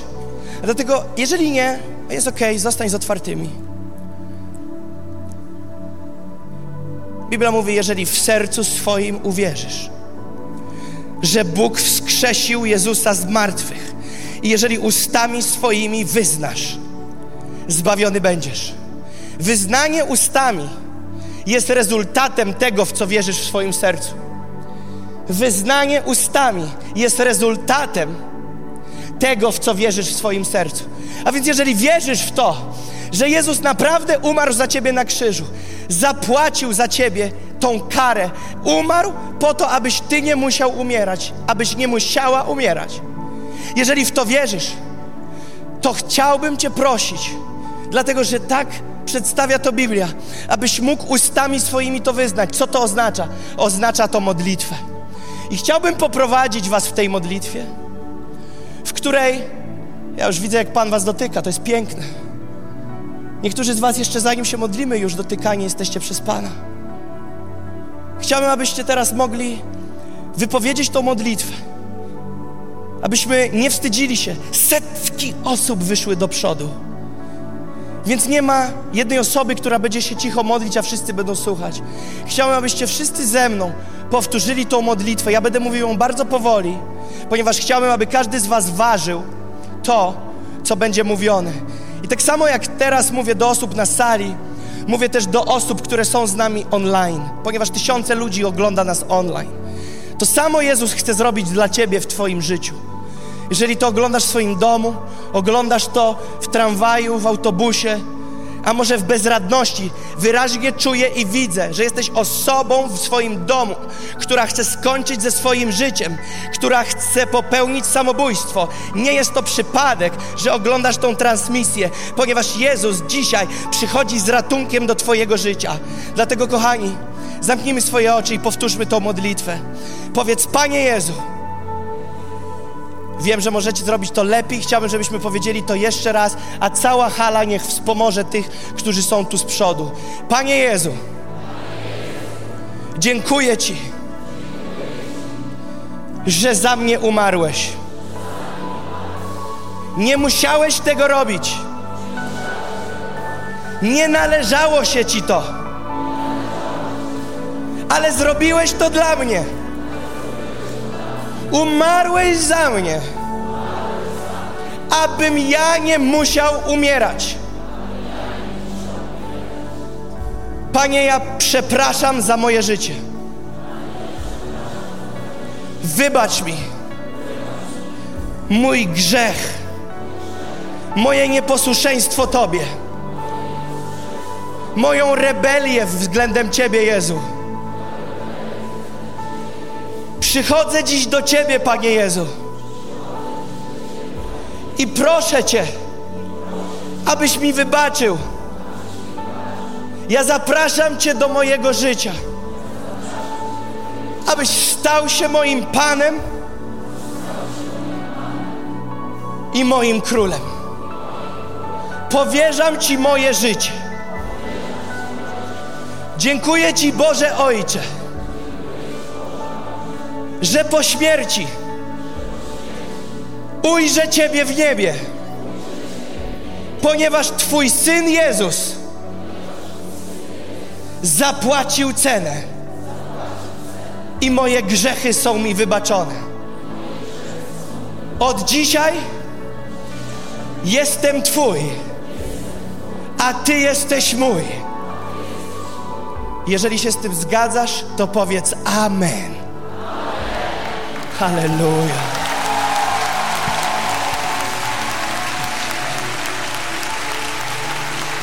Kochani,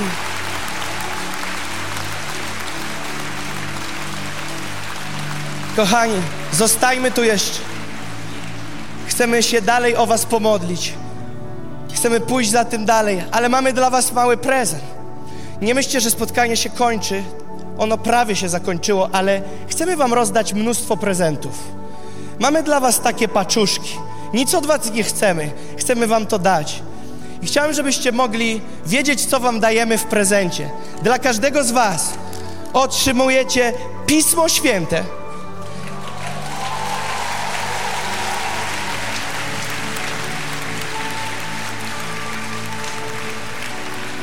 Widzę po twarzach niektórych z Was, że wielu z Was od tego uciekało, a dzisiaj jest ten moment.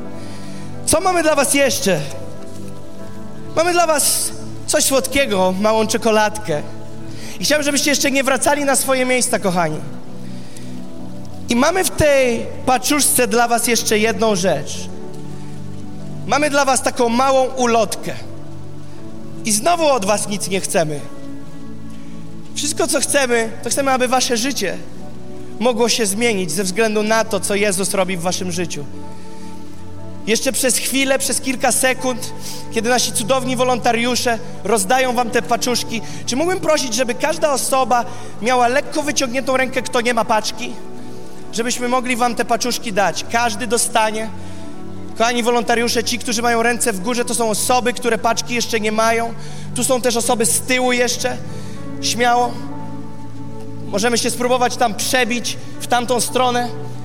Śmiało, trzymajcie rękę w górze, jeżeli nie macie swojej paczuszki. Każdy z Was chcemy, aby dostał swoje Pismo Święte.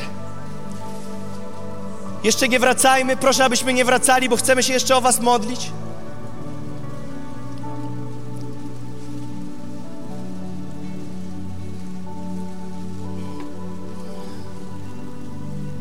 Czy jeszcze jest ktoś bez paczki? Tam na samym końcu. Na samym końcu musicie się przebić, kochani, na sam koniec. Przejdźcie przez ludzi, proszę. Tam są osoby, tam są osoby z tyłu, z tyłu. Ja wiem, że może ich nie widzicie. Z tyłu tutaj są osoby. Czy jeszcze ktoś nie ma? Jeszcze jedna tutaj paczka? Jeżeli, dajmy jeszcze jedną. Jeżeli potrzeba jeszcze jedna, śmiało. Tutaj. Każdy dostanie. Jest tutaj jeszcze jedna osoba, dwie osoby, śmiało. Śmiało, jeszcze tam są dwie osoby. Czy jest jeszcze ktoś? Czy jest jeszcze ktoś, kto nie ma paczki?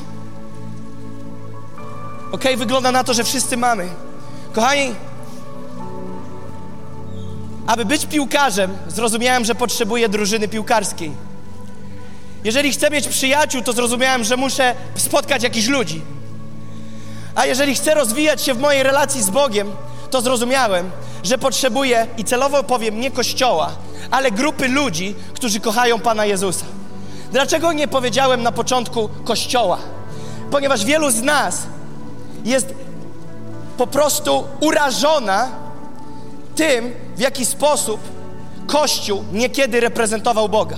I chcecie przeprosić za pewną rzecz, że Kościół, jakikolwiek, nie wymieniam teraz jaki, który powinien był, powinien był reprezentować Boga w należyty sposób, zrobił to tak, jak nie powinien, zachowywał się tak, jak nie powinien, i ludzie, którzy byli w tym kościele, zachowywali się, jakby Boga nigdy nie spotkali.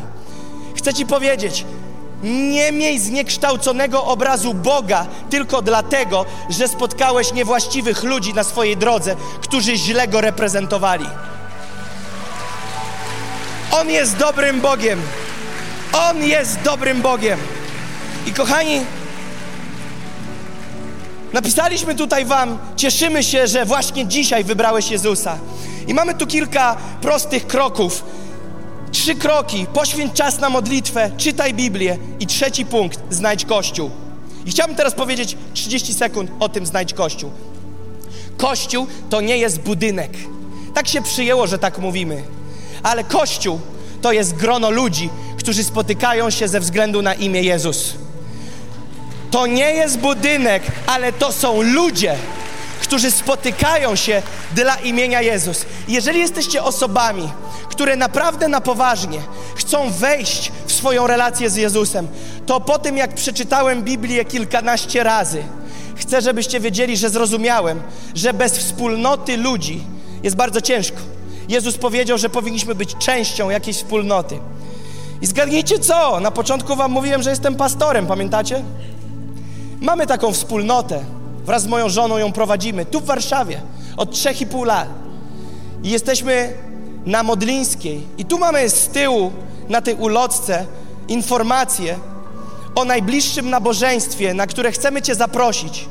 Mamy spotkania różne, mamy w tygodniu, mamy w weekendy, ale chcielibyśmy, żebyś się czuł, czuła swobodnie, jeżeli chodzi o nabożeństwo niedzielne. I chcemy Cię zaprosić na nabożeństwo, które jest za tydzień w niedzielę. Co, mamy zawsze spotkania w niedzielę o 11 na Modlińskiej 6D. Wszystkie informacje tu macie.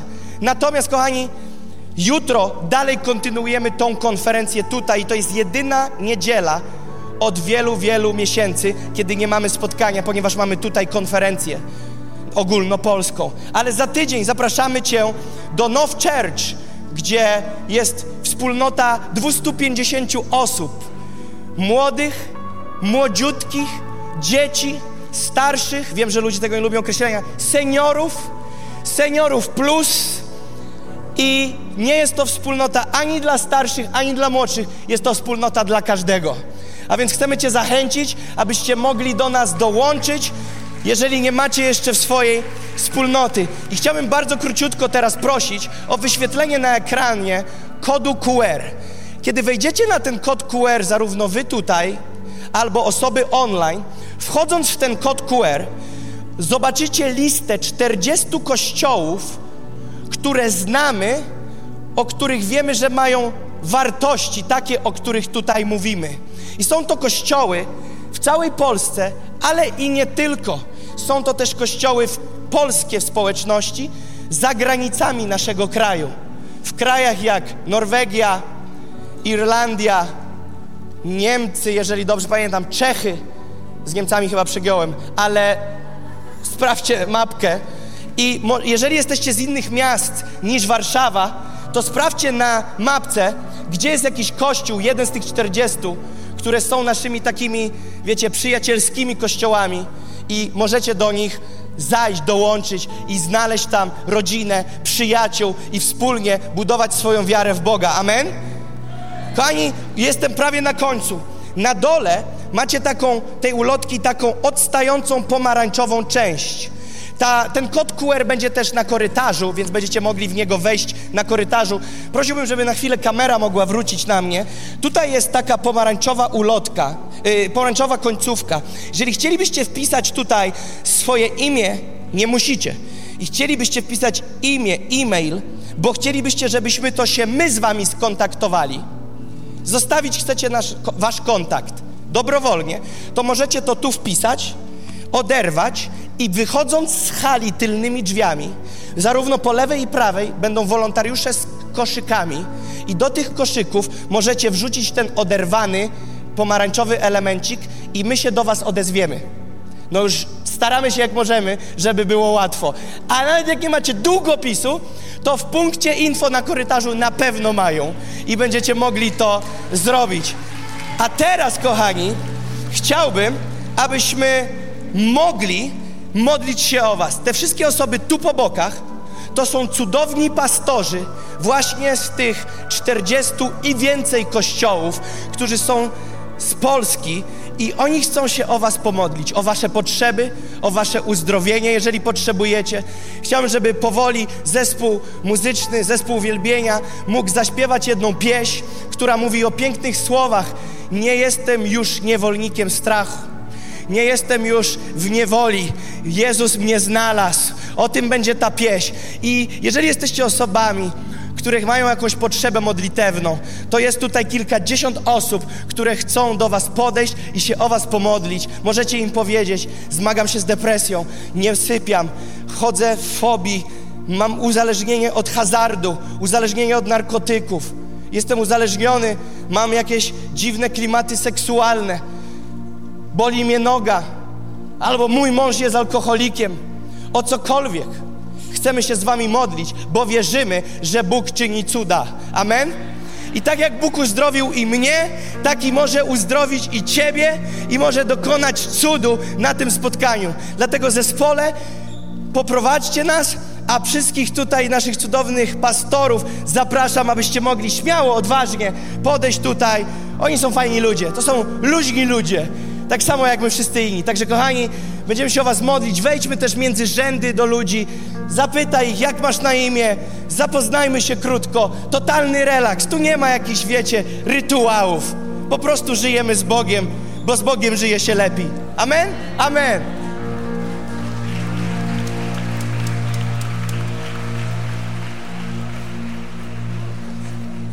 Ty przynosisz zwycięstwa pieśń, Ty dotykasz słowa swym.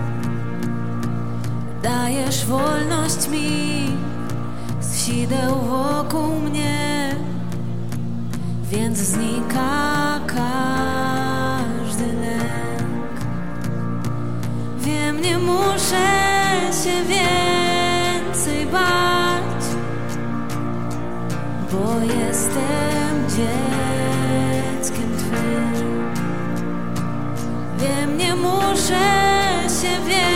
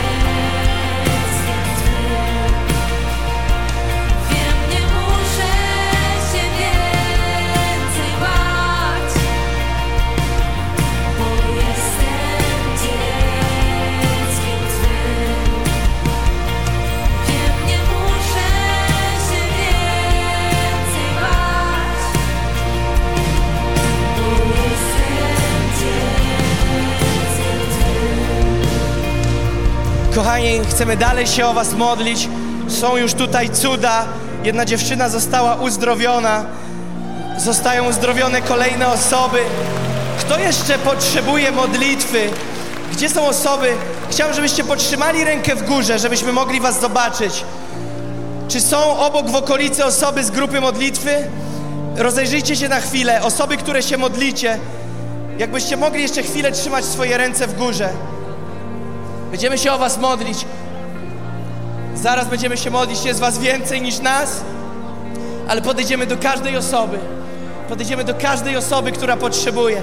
Jeżeli już otrzymałeś swoje uzdrowienie lub modlitwę, to jeżeli chcesz, możesz na chwilę wrócić do swojego miejsca. Będziemy zaraz jeszcze śpiewać jedną pieśń, ale chcielibyśmy pomodlić się o każdą osobę, która potrzebuje modlitwy.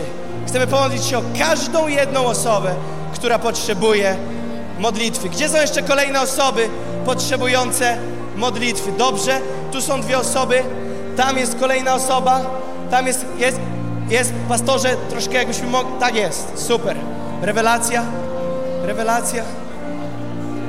Są kolejne osoby tutaj, tu jest jeszcze, dobrze, dobrze. Kamilu,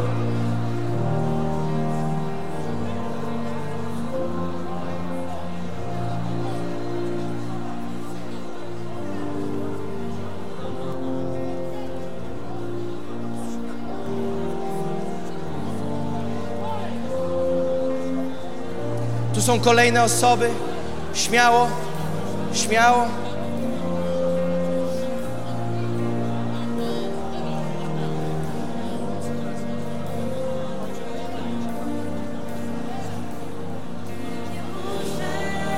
Śmiało. Kto jeszcze potrzebuje modlitwy?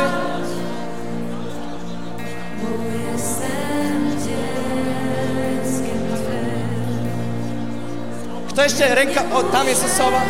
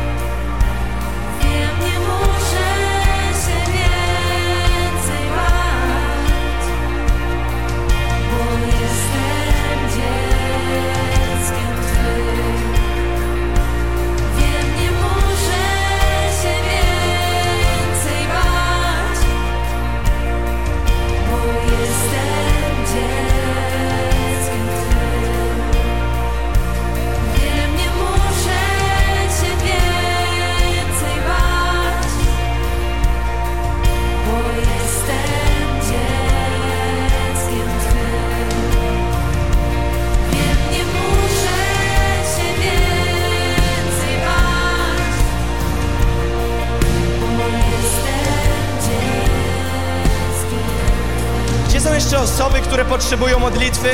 Zobaczcie, ile jest rąk w górze. Śmiało, kochani pastorzy, grupa modlitwy. Musimy się wyrabiać. Musimy się wyrabiać. Jest znacznie wciąż dużo rąk w górze. Potrzebujemy podchodzić do każdej osoby. Módlmy się o wszystkich. Tu jest kilka rąk w górze. Tam są ręce w górze. Kochani, musimy pomodlić się o każdą jedną osobę. o każdą jedną osobę.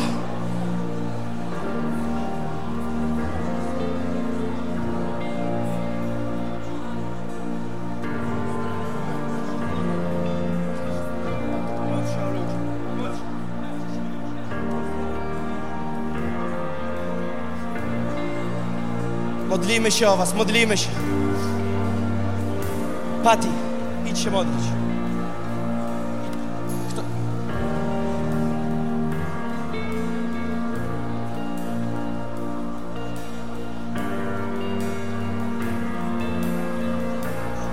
Będziemy się o Was modlić. Śmiało. Śmiało.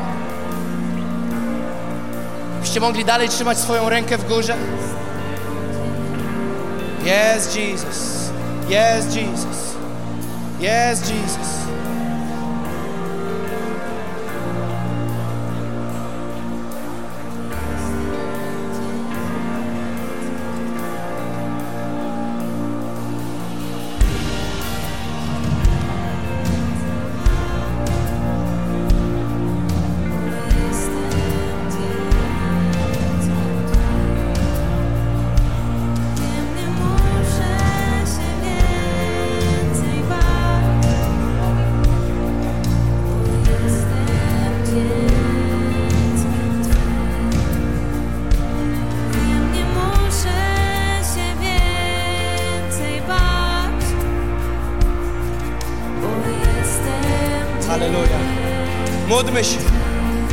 Się wciąż.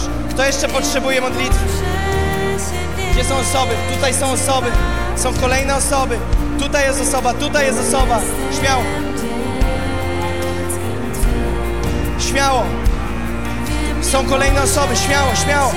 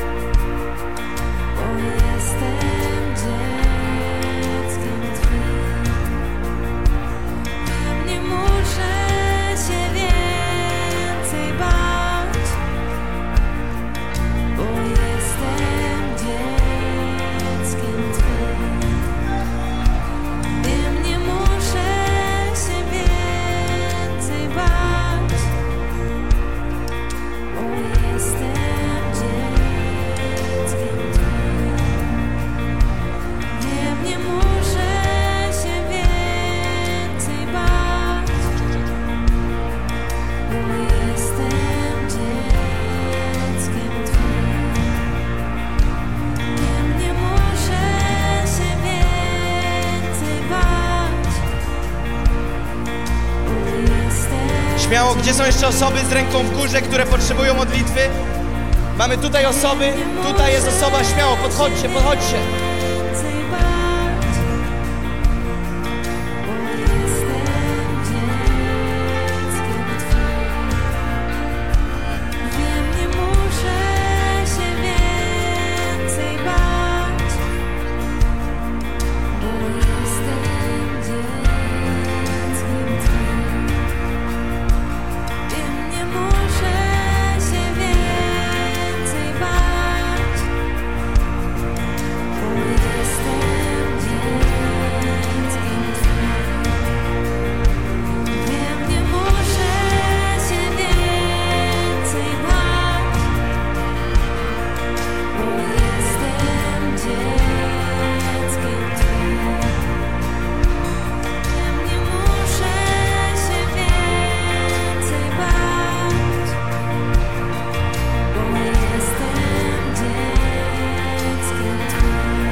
Jeszcze osoby potrzebujące modlitwy?